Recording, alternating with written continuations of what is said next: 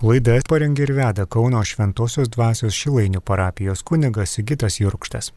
Gerbėjai Kristui, mėly Marijos radio klausytojai, džiaugiuosi galėdamas su jumis šią valandėlę pamastyti apie tą nustabų įvykį mergelės Marijos apsireiškimus Fatimoje įvykusius Portugalijoje. Fatima buvo tokia nedidelė vietovė ir joje mergelė Marija pasirodė trims piemenėliams, visiškai mažiems vaikams Tuo metu jiems dar buvo visai nedaug metų, e, Jacintai buvo vos septyneri, Pranciškui devyneri, Liucijai dešimt metų. Ir e, prieš tai, prieš pasakodamas apie tuos apsireiškimus, norėjau dar paliudyti ir savo tą ieškojimų kelią, kaip e, mano gyvenime Marijos apsireiškimai, kuo jie buvo svarbus. Prisimenu, kad kai atradau pamažu atradau Dievą, stebėjausi visų to grožių kūrinijos, tuo visatos grožiu. Tikrai sakiau, kad na, Dievas turi būti, kažkur turi būti.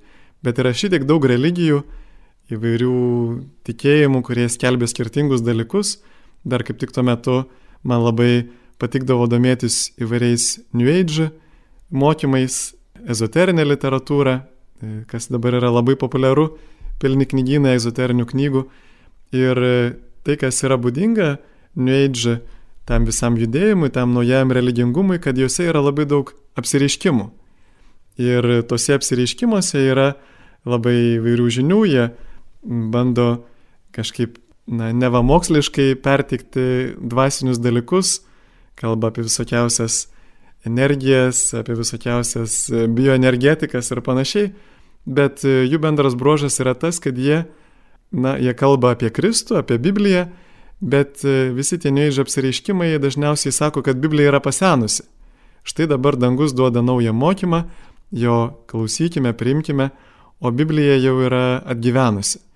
Taip pat neįdžio apsireiškimai turi tokį bruožą, kad Jėzų Kristų pastato arba jį visą eilę kartu su kitais žymiais istorijos žmonėmis, tokiais kaip Buda, Mahometas, na įvairių religijų kuriejais, Kitaip sakant, Jėzų Kristų nuvertina. Ir štai mergelės Marijos apsireiškimai yra ženklai, liudijantis, kad e, ta mūsų religija, krikščioniškas tikėjimas, katalikų bažnyčios mokymas, kad tai nėra žmonių sugalvota, kad tai kyla iš paties Dievo ir mergelė Marija tarsi patvirtina, kad šitie dalykai yra verti pasitikėjimo. Katalikų bažnyčios katekizmas labai taikliai susiję širdies tyrumą ir tikėjimo tyrumą. Mes gyvename tokiais visuotinio netyrumo laikais ir dėl to nereikėtų stebėtis, kad ir tas mūsų tikėjimas dažnai darosi labai netyras. Štai pacituosiu katekizmo paragrafą 2518. Šeštasis palaiminimas kelbia palaiminti tyra širdžiai regės Dievą.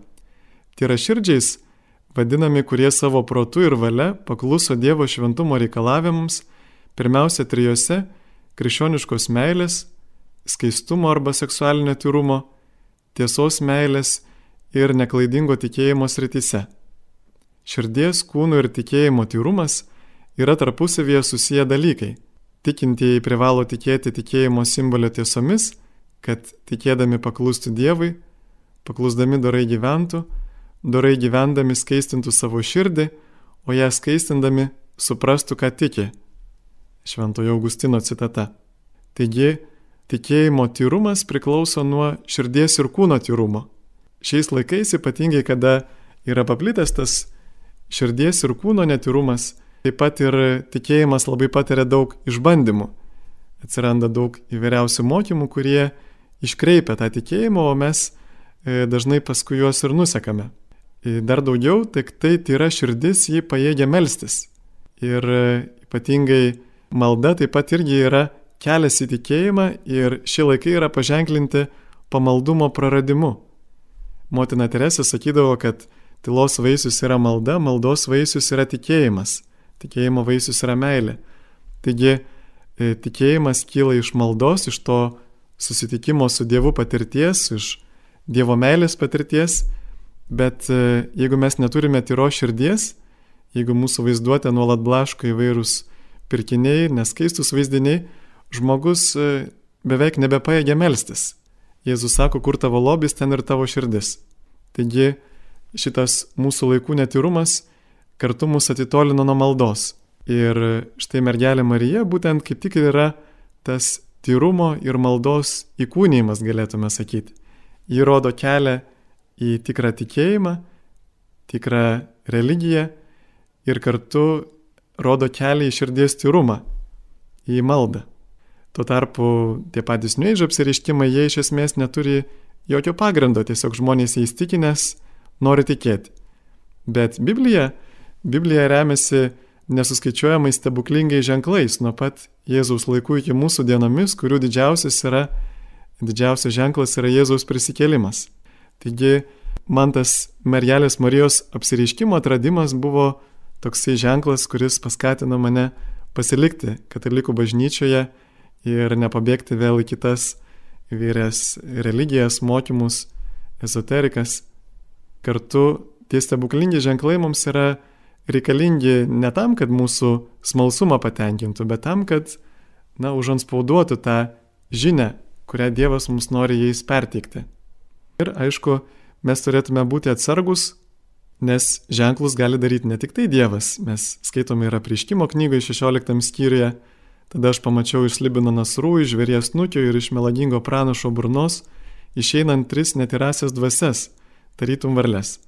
O tai yra demonų dvasios darančios nuostabius ženklus. Jos iškeliauja pas viso pasaulio karalius, kad juos suburtų didžiosios visagalio Dievo dienos kovai. Taigi mums reikalingas kartu ir bažnyčios pagalba atskiriant įvairius šitos ženklus dar labiau reikalingas Biblijos autoritetas, nes visi apreiškimai, kurie nesiderina su Biblija, jie negali būti iš Dievo. Ir čia galėtume vėl pažvelgti į Katalikų bažnyčios katekizmą. Katekizmas mums parodo, kokia yra apsireiškimų vieta toje mūsų, mūsų gyvenime bažnyčios ir teologijai kartu. E, nuo to laiko, kai jis mums atidavė savo sūnų, kuris yra jo vienintelis žodis, čia cituoju iš katekizmo 65 paragrafą, Dievas nebeturi daugiau ko pasakyti. Tuo vienu žodžiu jis mums pasakė iš karto viską. Nes, ką jis anksčiau buvo sakęs pranašams dalimis, viską pasakė savo sūnuje, mums atiduodamas viską savo sūnų. Dėl to tas, kuris dabar dar klausinėtų viešpatį ar lauktų iš jo vizijos ar apreiškimo, ne tik elgtųsi kvailai, bet ir įžeistų Dievą, nežvelgdamas vien į Kristų, o ieškodamas dar ko nors kito arba kokiu nors naujoviu. Čia yra citata iš Šventojo kryžiaus Jono, jo veikalo kopimas į Karmelio kalną. Bet čia irgi mes turėtume daryti skirtumą tarp to, na įsivaizduokime pavyzdžiui Elgetą, kuris, pavyzdžiui, gauna 100 eurų ir dar kaulėje, nu dar duok eurą. Ir nors jis jau turi labai daug gavęs. Ir kita situacija, įsivaizduokime Elgetą, kuriam žmogus iš viso širdies nuperka karštą bandelę, ir, o jisai su ta bandelė pažaidžia futbolą ir išmeta. Ar tai nesužeidžia to dovanotojo širdies, kai jisai norėjo dovanoti jam dovaną, o jisai ją paniekino. Taigi yra skirtumas labai didelis tarp to, kada mes prašome apreiškimų, norime kažkokių vizijų patirti regėjimų ir tarp to, kai mes nepriimam to, ką Dievas pats mums duoda juk mergelė Marija ne pati ateina savavališkai, bet ji ateina Dievo siusta. Ir toliau katalikų bažnyčios katekizmas rašo, amžiams bėgant yra buvę vadinamųjų privačių apreiškimų, kai kurie jų buvo bažnytinės valdžios pripažinti, tačiau jie nepriklauso tikėjimo paveldui. Jie turi nepagerinti ar papildyti galutinį apreiškimą, kuris yra Kristus, bet tam tikroje istorijos epochoje padėti jį pilnatviškiau įgyvendinti. Bažnyčios magisterijumo vadovaujami, tikintieji gali atskirti ir pasirinkti tai, kas tuose apreiškimuose yra autentiškas, bažnyčia adresuotas, Kristaus ir jo šventųjų kreipimasis. Krikščionių tikėjimas negali priimti apreiškimų, kurie bando pranokti ar taisyti Kristaus užbaigtąją apreiškimą, esti kai kuriuose nekrikščioniškose religijose ar šiaudienų sektose, kurios remiasi tokiais apreiškimais. 67 kategizmo paragrafas. Vėlgi čia turėtume teisingai suprasti tą ištarą nepriklauso tikėjimo paveldui. Tai nereiškia, kad tie privatus apreiškimai yra kažkokie tai antrarūšiai Dievo žodžiai, kad štai Jėzus kalbėjo paštalams, jau tai žodžiais mes turime vienaip tikėti, o kai Jėzus kalba kokiems nors šventiesiems, tai jau yra tik tai kažkokie tarsi tų Jėzaus žodžių kokia nors iškamša ar, ar kažkokia tai kopija. E, tai yra tie patys Dievo žodžiai. E, Jėzus kalba ir ten, ir čia Jėzus kalba, bet nepriklauso tikėjimo pavaldui, to norima pasakyti, kad šitų apsiriškimų tikslas yra kitoks. Nėra tikslas papildyti Biblijos, dar pridėti naujų knygų prie Biblijos, bet yra tikslas kaip tik ir priimti tą Bibliją, kurią Dievas mums davė. Prisiminkime tame pasakojame Jėzaus palyginimą apie Lozorių, kai tas turtuolis nukeliavo į, į pragarą ir jisai prašo, kad e, kas nors būtų siunčiamas iš dangaus, kad perspėtų jo brolius. Ir e, štai jam atsakoma, kad jie turi mozę ir pranašus, jeigu jų neklauso, tai neklausys ir jeigu kas nors ir iš numirusių prisikeltų. Taigi mes turime Bibliją ir turime jos klausyti. Ir štai apsiriškimų vaidmuo ir yra tas, kad mus kreiptų link Biblijos. Apsiriškimų tikslas yra padėti mums patikėti, kad tai, kas parašyta Biblijoje, nėra pasenę, bet kad ta žinia mums yra labai aktuali, kad e, Jėzus Kristus tikrai yra vienintelis išgelbėjimo kelias. Visgi, kalbant apie privačius apsireiškimus, iškyla ir tam tikra atskirimo problema. Nes aišku, jeigu mes tikrai žinotume, kad čia kalba Dievas, tai aišku, galėtume tuo pasitikėti, bet visą laiką bažnyčia sako, kad mes privačius apsireiškimus priimtume tik tai kaip, na, kaip žmogaus liūdėjimą, nes mes niekada negalime būti tikri, kiek tai yra iš paties regėtojo vaizduotės, kiek jisai pridėjo savo. Ir aišku, tie įvairūs antgamtiniai ženklai už, užanspauduoja tą žinę ir mes galime tikrai tą žinią pasitikėti. E, visgi tai nėra toks pat regėjimas, koks pavyzdžiui, kaip apaštalai regėjo Jėzų realiame gyvenime, realiame pasaulyje.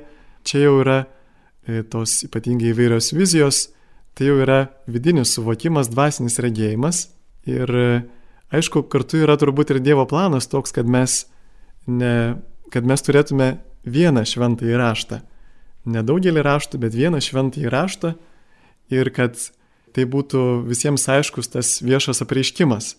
Ir todėl galime būti visiškai ramus, jeigu mes iš tiesų paklūstame Evangelijai, tai tuomet mes net ir neišgirdę apsireiškimų žinios, mes tikrai e, nueisime į dangų ir, ir pasieksime šventumą. Bet apsireiškimai yra skirti tam, kad mus labiau paragintų ir mus tikinčiuosius dar oliau juos priimti, o netikinčiuosius pagaliau atsiverti tam Biblijos apreiškimui ypatingai Jėzaus Kristaus Evangelijai. Popiežius Benediktas XIV dar prieš tapdamas popiežiumi 18 amžiuje yra tokį veikalą parašęs apie antgamtinius reiškinius ir jisai duoda labai gerą tokį palyginimą apie sadukėjus ir fariziejus. Sako, kad štai sadukėjai, jie pripažino tik tai torą, tik tai penkiaknygę ir jie mane, kad visi stebuklai, visas Dievo kalbėjimas baigėsi su Mozės mirtimi. Jie nebetikėjo, kad Dievas gali toliau kalbėti per pranašus.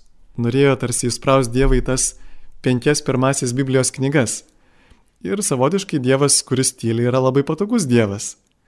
Panašiai ir šiandien daugelis bando neikti tuos stebuklus, apsiriškimus, panašiai kaip sadukėjai, na, norėdami uždaryti Dievą į Bibliją.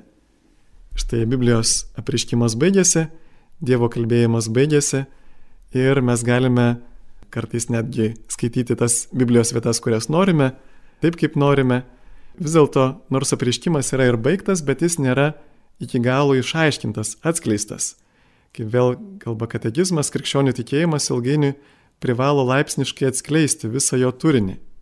Pats Jėzus yra sakęs, kad dar daugiau jums turėčiau kalbėti, bet dabar jūs negalite pakelti. Kai ateis toji tiesos dvasia, ji ves jūs į tiesos pilnatvę. Ji nekalbės iš savęs, ji pašlovins mane, nes ims iš to, kas mano ir jums tai paskelbs. Net ir Jėzus kitoje vietoje kalba apie palyginimus, sako, aš jums vis kalbėjau palyginimais, bet ateis valanda, kada be palyginimų imsiu kalbėti ir atvirai apie tėvą jums kelpsiu. Taigi tie Jėzaus palyginimai tarsi užanspauduoja prieškimą ir mes be jo dvasios, mes negalime atverti to anspaudo tiksliai suprasti Jėzaus mokymą. Ir nors, pavyzdžiui, Jonas Krikščitojas buvo paskutinis iš Seno testamento pranašų, bet šventoji dvasia ir toliau siunčia pranašus. Apdovanojo juos pranašystės charizmą. Nekarta ir apaštalas Paulius mini, kad pranašystė skirta ne netikintiems, bet tikintiems. Siekite pranašystės dovanos, siekite meilės, taip pat rūpestingai ieškokite dvasinių dovanų labiausiai pranašavimo. Taigi, apaštalas Paulius, jisai atskleidžia, kad pranašystės dovana jinai niekur nedingo. Net ir po Jono Krikščitojo mirties Dievas vis dar siunčia pranašystės charizmą ir žadina pranašus. Jozapas Ratzingeris dokumente Fatimo žinios teologiniai komentarai, jie paskelbti 2000 metais prieš pat paskelbent trečiosios Fatimos paslapties tekstą, jisai teigia, kad privatus apsireiškimai jie priklauso pranašavimo charizmai, susijusiai su laiko ženklų aiškinimu. Ir laiko ženklai, bažnyčia laiko ženklais laiko tuos e, visuotinės reikšmės įvykius, per kuriuos pasireiškia Dievo planas istorijai, kurie teikia viltį ateičiai. Laiko ženklai yra Dievo veikimo ženklai istorijai. Prisiminkime ir Paštalo Pauliaus tekstą Negesinkite dvasios, neniekinkite pranašavimu, visą ištirkite ir kas gerą palaikykite. Čia yra seniausias Paštalo Pauliaus, o kartu ir Naujojo testamento tekstas iš pirmo laiško tesalonikiečiams. Taigi, Biblijos prasme tas pranašavimas yra ne kažkokia iškeregystė, ne ateities įvykių tikslus atskleidimas, bet Dievo valios dabarčiai aiškinimas, parodantis teisingą kelią į ateitį.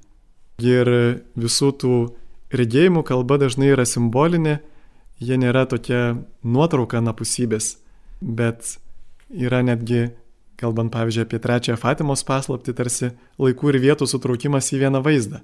Juos netgi iššifruoti yra lengva tik tai įmanoma tik tada, kada jie jau įvyksta. Visoje istorijoje tų apsireiškimų, ypatingai kalbant apie mergelės Marijos apsireiškimus, yra įvykę tikrai nemažai, net pranešame nuo 900 iki 2500 apsireiškimų vietų skirtingose šaltiniuose. 20-ame amžiuje pranešame net apie 400 apsireiškimų vietų. Iš jų maždaug 300 vietų nesulaukė jokio oficialaus bažnyčios sprendimo. Išlikusių 80 atvejų bažnyčia nerado ant gamtinio charakterio, nors kartais ta žinia gali būti ir nepriešinga tikėjimui ir čia bažnyčia vadina tokius apsireiškimus, tokį nuosprendį jam paskelbė non constat de supernaturalité. Tai reiškia, kad nenustatyta ant gamtiškumo, nors jie ir neprieštarauja bažnyčios tikėjimui. Ir kai kurie iš jų pripažinti nepatikimais, pripažinti neverti tikėti, nes yra nustatyta, kad jie yra kilę iš žmonių apgaulės, psichikos sutrikimų, demoniškos įtakos ar panašių dalykų. Ir čia latiniški žodžiai yra constade non supernaturalité. Taip pat yra tokiu atveju, kada bažnyčia ir pakeitė savo nuomonę, kai kurie kartais ir šventieji turėjo skirtingas nuomonės to klausimu, kartais ir tie, kurie buvo vienaip nusistatę apsiriškimo atveju, paskui jie buvo pripažinti, jie tie patys žmonės buvo pripažinti šventaisiais. Prisiminkime ir šventąjį tėvą Pijų iš Pietrelčinos, jam kurį laiką buvo uždrausta klausyti iš pažinčių, paskui jis paskelbė šventuoju. Jonas 23 buvo paskelbė šventuoju vėliau, bet į draudžiamų knygų indeksą įtraukė Faustinos dienoraštį, kuris dabar yra jau plačiai pripažintas visame pasaulyje, Faustina paskelbė šventąją. Taigi, e, viena vertus galime matyti tai tarsi kaip bažnyčios klaidas, bet kita vertus tai yra kaip tik bažnyčios išbandymas. Šitie dalykai tikrai reikalauja to atskirimo, nes galėtume tai palyginti su, pavyzdžiui, oazė, kurioje yra daug laukinių žvėrių. Arba, pavyzdžiui, įsivaizduokime, einame grybauti ir prisirenkame įvairių grybų, bet turėtume gerai atskirti, ar neprisirinko musmirių. Taigi mes turime atskirti pelus nuo grūdų, kas yra tuose dalykuose tikra, o kas yra žmonių pridėta, išgalvota. Prisimenu ir Onos Kotrinos Emerik regėjimus, ji netgi turėjo stigmas, bažnyčia ją paskelbė palaimintąją, bet ji taip pat pripažino, kad tie regėjimai negalime jų priimti visiškai kaip šimtų procentų Dievo padiktuotų, netgi bažnyčia juos neatsižvelgia, skelbdama šią palaimintąją šią moterį, nes e, jos regėjimus užrašė toksai Klemensas Brentano, kuris, kaip paskui atrasta, galėjo kartu ir juos papildyti, pagražinti. Taigi visą laiką yra tasai žmogiškasis faktorius, kuris išlieka. Netgi yra buvę labai tokių komiškų situacijų su Marijos apsireiškimais. Pavyzdžiui, toksai žymus Marijos apsireiškimų tyrinėtojas O'Neilas, kuris yra kartu ir Miracle Hunter svetainės įkūrėjas, aprašo savo knygoje tokį berniuką, kuris e, jį atsivedė mama į šventasias mišes ir jisai per pakilėjimą staiga sušuko šventieji, šventieji, sako, mama, matau šventuosius. Ir motina susižavėjusi, kad jos vaikas mato regėjimus, vizijas, tuoj suskubo pamišiu apskambinti visus savo pažįstamus kunigus, pasigirti. Ir per kitas šventasias mišes vėl laukia, tikisi, kada jau bus to vaiko vėl galbūt regėjimas, vizija. Ir staiga vėl berniukas rodo į bažnyčios lubas, sako, žiūrėk šventieji. Ir ji ant lubų pamato heraldinę lelyje, kuri yra Naujojo Orleano šventųjų amerikietiško futbolo komandos logotipė. Taigi vaikas visai neturėjo mintį pamatė šventuosius, bet kad pamatė savo mėgstamos futbolo komandos logotipą ant bažnyčios lubų. Arba kitas toks komiškas atvejis buvo 2004 metais, kai vienas keptas sumuštinis su sūriu pasidarė panašus į mergelės Marijos atvaizdą ir buvo parduotas už 10 tūkstančių dolerių aukcijonė. Ir čia psichologai kalba apie tokią pareidolyje, e, graikiškai klaidingas atvaizdas. Tai yra toksai psichologinis reiškinys, kada žmonės tokius atsitiktinai susidariusius vaizdus ir garsus suvokia kaip konkretaus žinomo objekto vaizdus ir garsus. Na pavyzdžiui, tipiškas pavyzdys debesis, kuriuose visą laiką mes galime atpažinti, žiūrėti tai, ką mes norime pamatyti, mums pažįstamus veidus, objektus, gyvūnų kontūrus, na tai, ką mes norėtume pamatyti, tą ir matome. Bet e, tai neturi nieko bendro su tikrais apsireiškimais ir, e, kaip sako šventoji Faustina, irgi savo dienoraštyje labai reikalingas yra tokiais atvejais pasivedimas bažnyčios autoritetui, tai hierarchijai, pasivedimas klusnumui, nes hierarchijos užduotis būtent ir yra atskirti charizmas. Iš kur jos ateina, ar jos ateina iš Dievo ar ne. Ir Faustina sako, kad velnės gali prisidengti nuolankumu, bet niekada nesuvaidins klusnumo. Velnio puikybė yra klusnumas net nepakeliamas. Todėl praktiškai tai yra pirmoji taisyklė, kurią išbandomi visi regėtojai, visi apsiriškimai yra klusnumas. Jeigu žmogus yra klusnus, jeigu jisai pavyzdžiui sutinka nutraukti savo skelbiamos žinios skelbimą iš klusnumo, jeigu sutinka pasivesti bažnyčios autoritetui, tai jau yra e, tikėtinumo ženklas, bet jeigu bažnyčia pastebi neklusnumo ženklus, tai yra praktiškai šimtų procentų tikimybė, kad tie apsiriškimai yra ne iš Dievo. Ir galėtume vėlgi klausti, kuo svarbi ta apsiriškimų žinia, mes ir Marijos radijoje dažnai kalbame apie e, mergelės Marijos apsiriškimą Šilovoje, kiekvieno mėnesio 13 dieną vyksta pamaldos Šilovoje, beje, ta 13 diena irgi yra susijusi būtent su mergelės Marijos apsiriškimais Fatimoje. Ir Fatimos apsiriškimai turbūt yra patys svarbiausi, patys žinomiausi ir tokie netgi, sakytume, garsiausi apsiriškimai. Turbūt todėl, kad jie yra susiję su labai svarbiais politiniais įvykiais. Tie apsiriškimai neapsiriboja tik tai mūsų tikėjimu, bet kartu ir, kaip vėliau kalbėsime, įvairiais įvykiais pasaulyje, tai karais, karų priežastimis, Rusija, Rusijos klaidomis ir taip pat jie perteikė tokią labai tragišką žinę apie pragarą, apie pasikesinimą į popiežių ir kitus dalykus.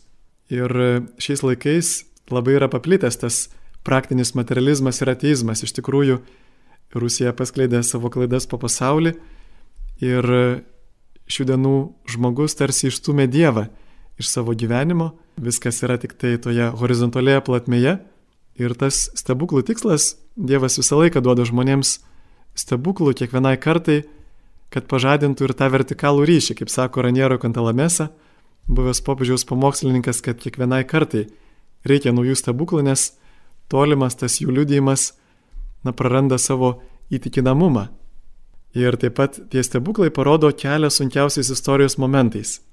Netgi tie apsireiškimai ne tik, kad pasako štai, kas įvyks ir jūs jau nieko nebegalit pakeisti, bet priešingai, Marija perspėja, kad jeigu žmonės jos paklausys, tuomet Dievas dovanos taiką.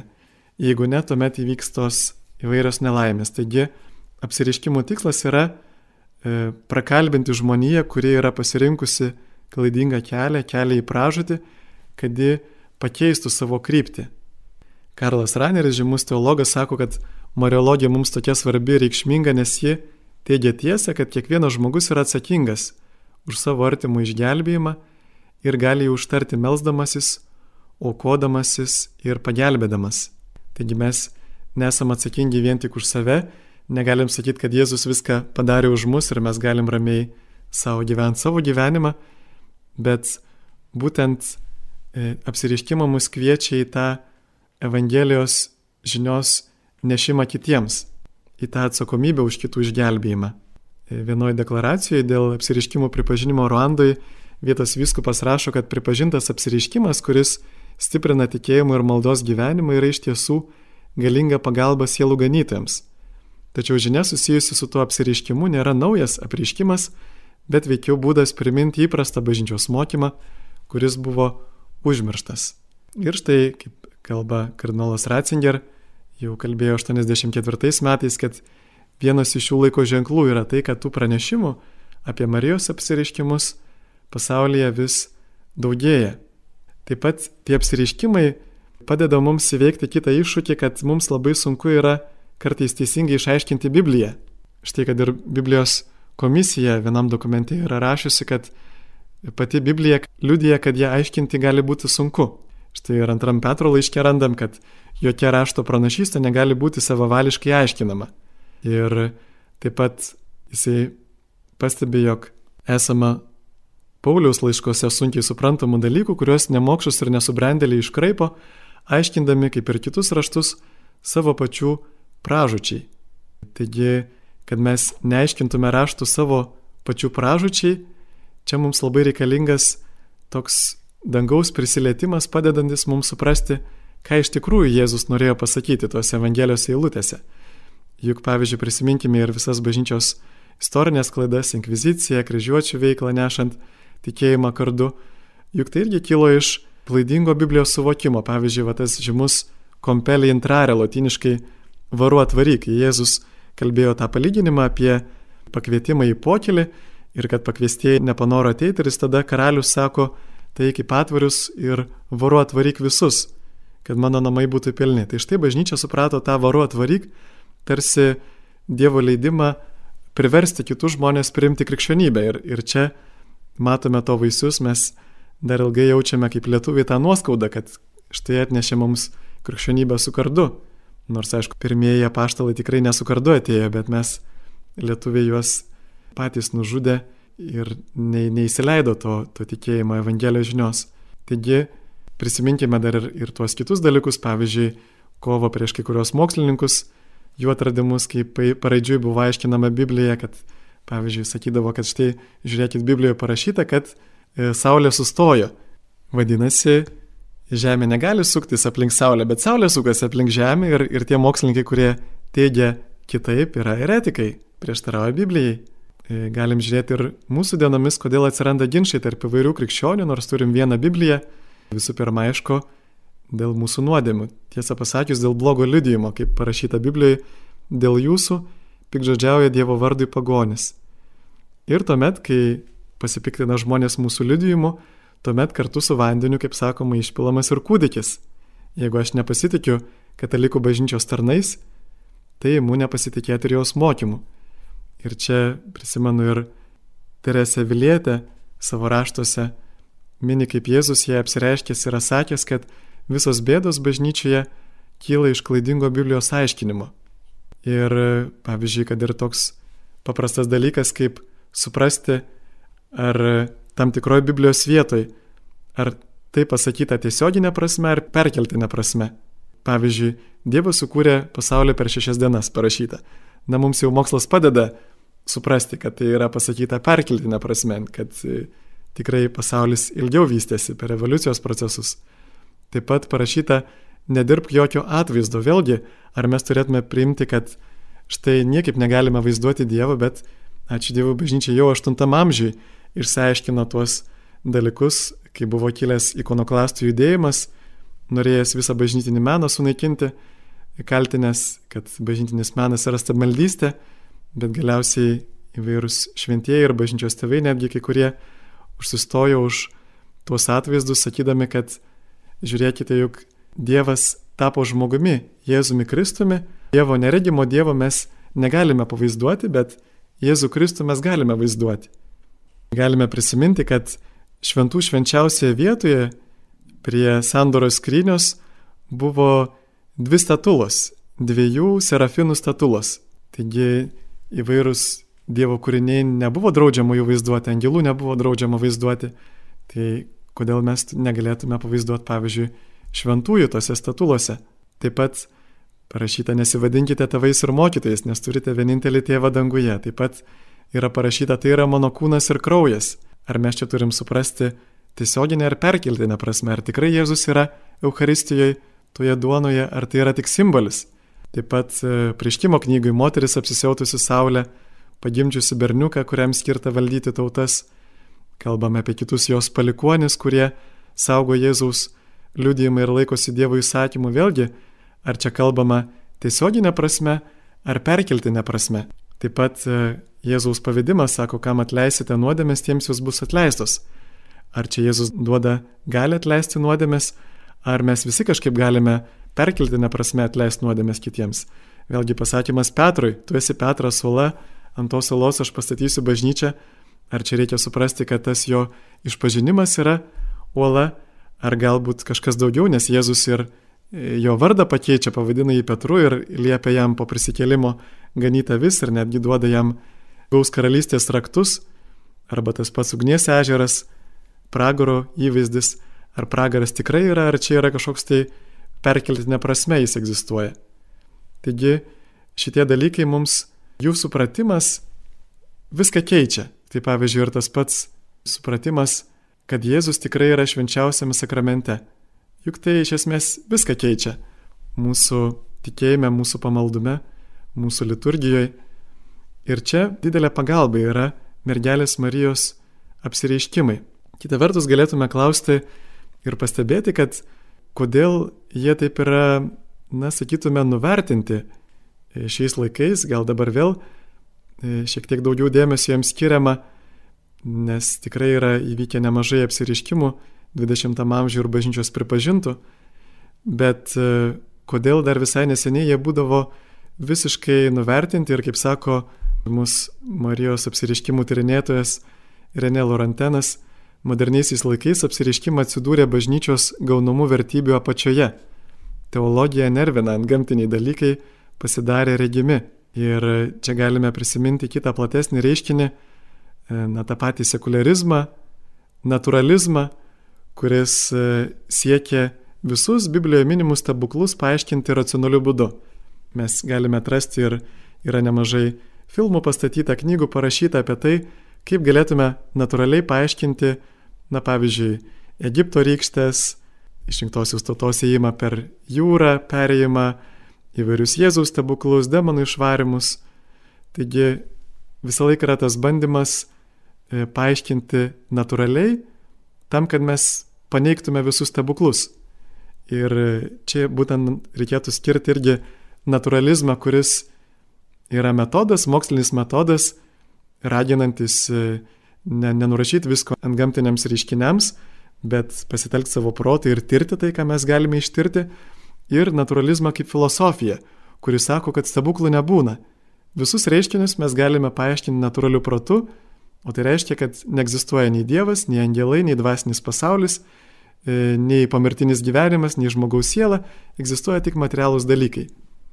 Taigi štai tas ateistinis naturalizmas, kuris yra labai paplitęs, e, kuris peržengia to mokslo tyrinėjimų ribas. Taip pat e, visoje bažnyčios istorijoje irgi yra buvę to piknaudžiavimo apreiškimais. Prisimename, kai mergelė Marija apsireiškė Lurdę, Ir paskui atsirado dešimtis regėtojų aplinkui kaimuose, kurie sakė, kad matė mergelę Mariją. Taigi bažnyčiai tikrai yra nelengvas uždavinys atskirti, atpažinti, kur čia yra tikra, o kur yra žmonių vaizduotės vaisius. Arba dar blogiau, kur yra demono apgaulė.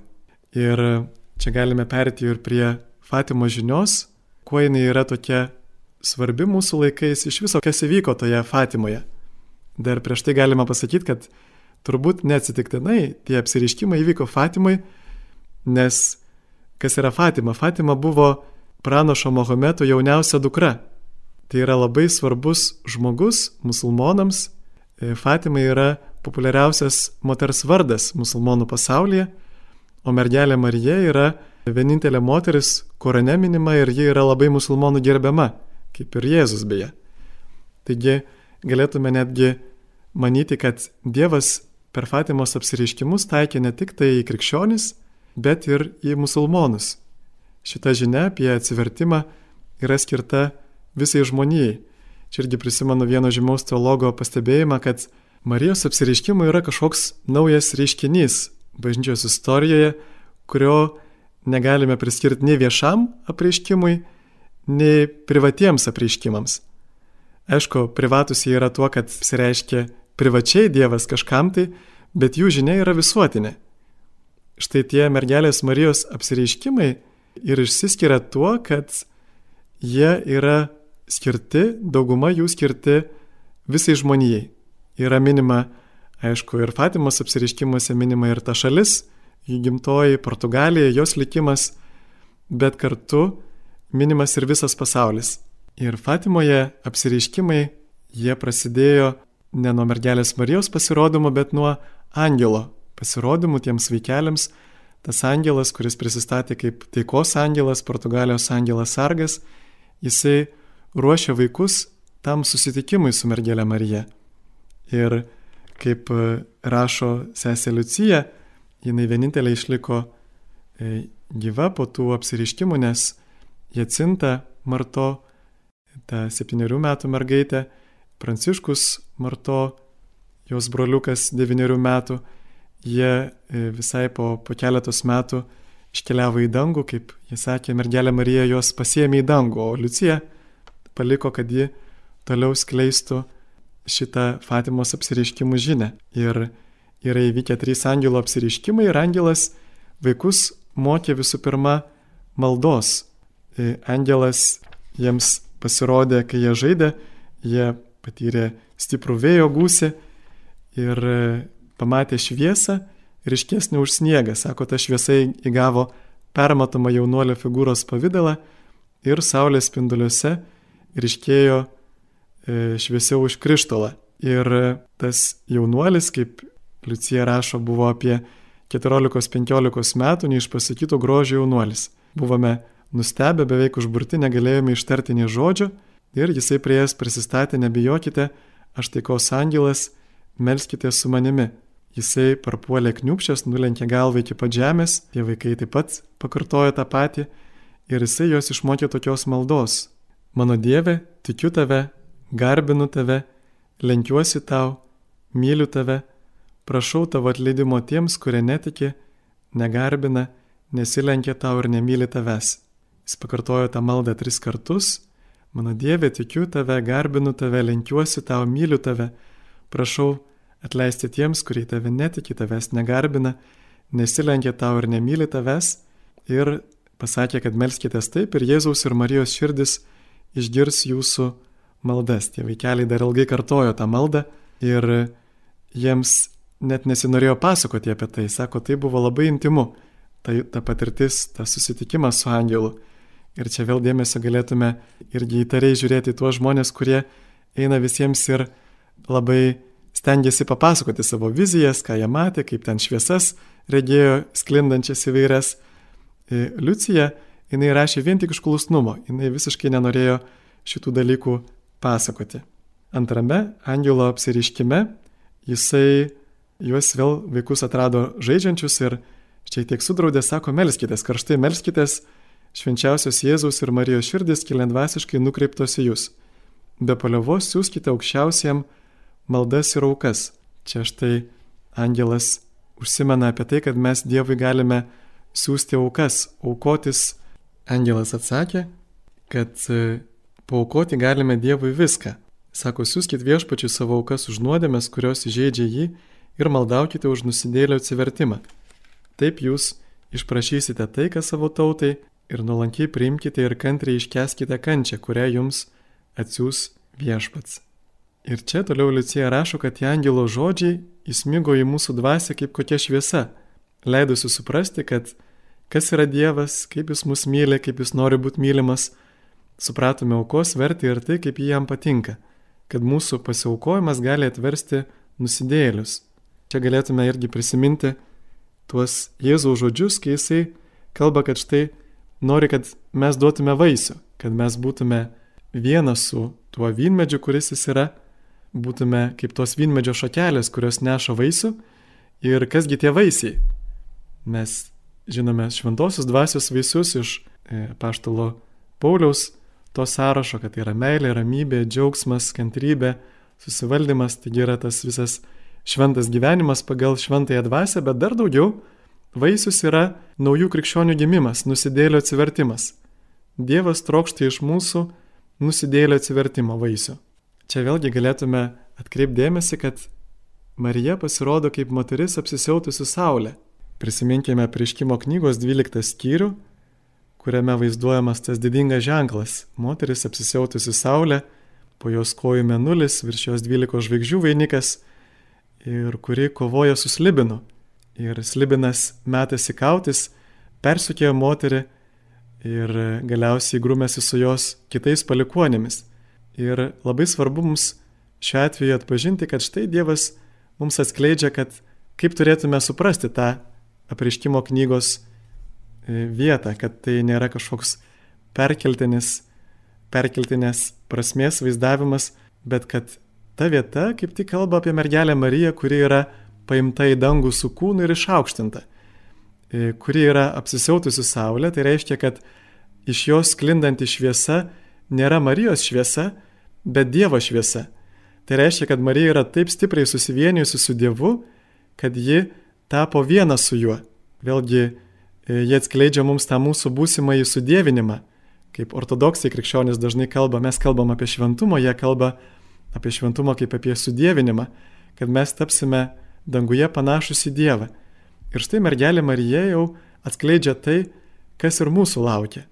Čia galime prisiminti ir kitą e, apsiriškimą mergelės Marijos Gvadalupėje, kada ant to Amerikos indėno ant Diego apsausto atsirado tas mergelės Marijos paveikslas, kuris 500 metų nesuiro, nors ta drobė, tiksliau tas apsaustas buvo pagamintas iš tokių siūlų, kurie suira per dešimtį metų ir gausybė stebuklingų ženklų yra tame paveiksle, bet tame paveiksle Marija yra būtent tokia, kokia yra apreiškimo knygos 12 skyriaus moteris.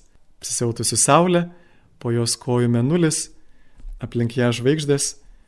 E, tad jeigu štai šita vieta vaizduoja Mariją, tuomet tas kai kurių kritikų priekaištai, kad štai pamaldumas Marijai neturi jokio pagrindo Biblijoje, yra visiškai nepagrystas, kad štai apreiškimo knygoje e, labai akivaizdžiai atskleidžiamas mergelės Marijos vaidmuo, kad ji kovoja prieš slibiną, kad tie, kurie kovoja prieš Mariją, kartu yra slibino pusėje.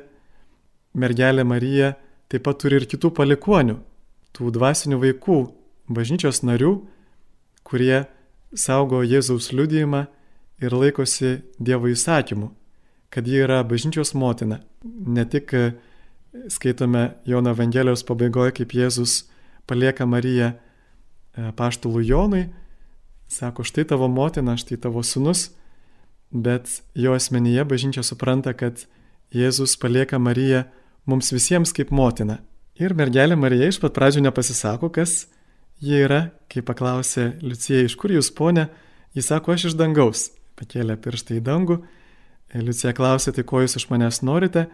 Marija sako, aš atėjau paprašyti jūsų, kad ateitumėte čia iš eilės šešis mėnesius, kiekvieno mėnesio 13 dieną, tą pačią valandą. Po to jums pasakysiu, kas esu ir ko aš noriu. Vėliau sugrįšiu čia septintąjį kartą. Čia toliau Liucija, beje, reiktų irgi pastebėti, kad iš trijų regėtųjų e, Pranciškus, jisai tik tai matė mergelę Mariją, bet jos e, negirdėjo Jacinta jinai matė ir girdėjo Mariją, o Liucija ir matė ir girdėjo ir galėjo su ją kalbėtis. Bent jau šitų apsiriškimų metu, kada jinai apsireikždavo jiems visiems trims. Nes vėliau, kaip pranešama, kad mergelė Marija pasirodydavo ir asmeniškai Jacintai ir ji yra daug ką užrašiusi iš tų jos regėjimų. Ir čia yra labai įdomus pokalbis Marijos su vaikais. Liucija klausia, ar jinai eis į dangų, ar Pranciškus ir Jacinta eis į dangų ir e, Marija sako, kad taip, bet Pranciškus turės sukalbėti daug rožinių. Taip pat klausia apie savo artimuosius, ar jie yra danguje. Ir štai vienai Marija sako, kad ji bus skaistykloje iki pasaulio pabaigos. Taigi vėl mergelė Marija e, kalba apie napusinius dalykus, kad egzistuoja skaistikla ir kad mes joje tikrai galime išbūti iki pasaulio pabaigos netgi už savo tam tikras nuodėmes. Amen. Laidą parengė ir vedė Kauno Šventojios dvasios Šilainių parapijos kunigas Sigitas Jurkštas.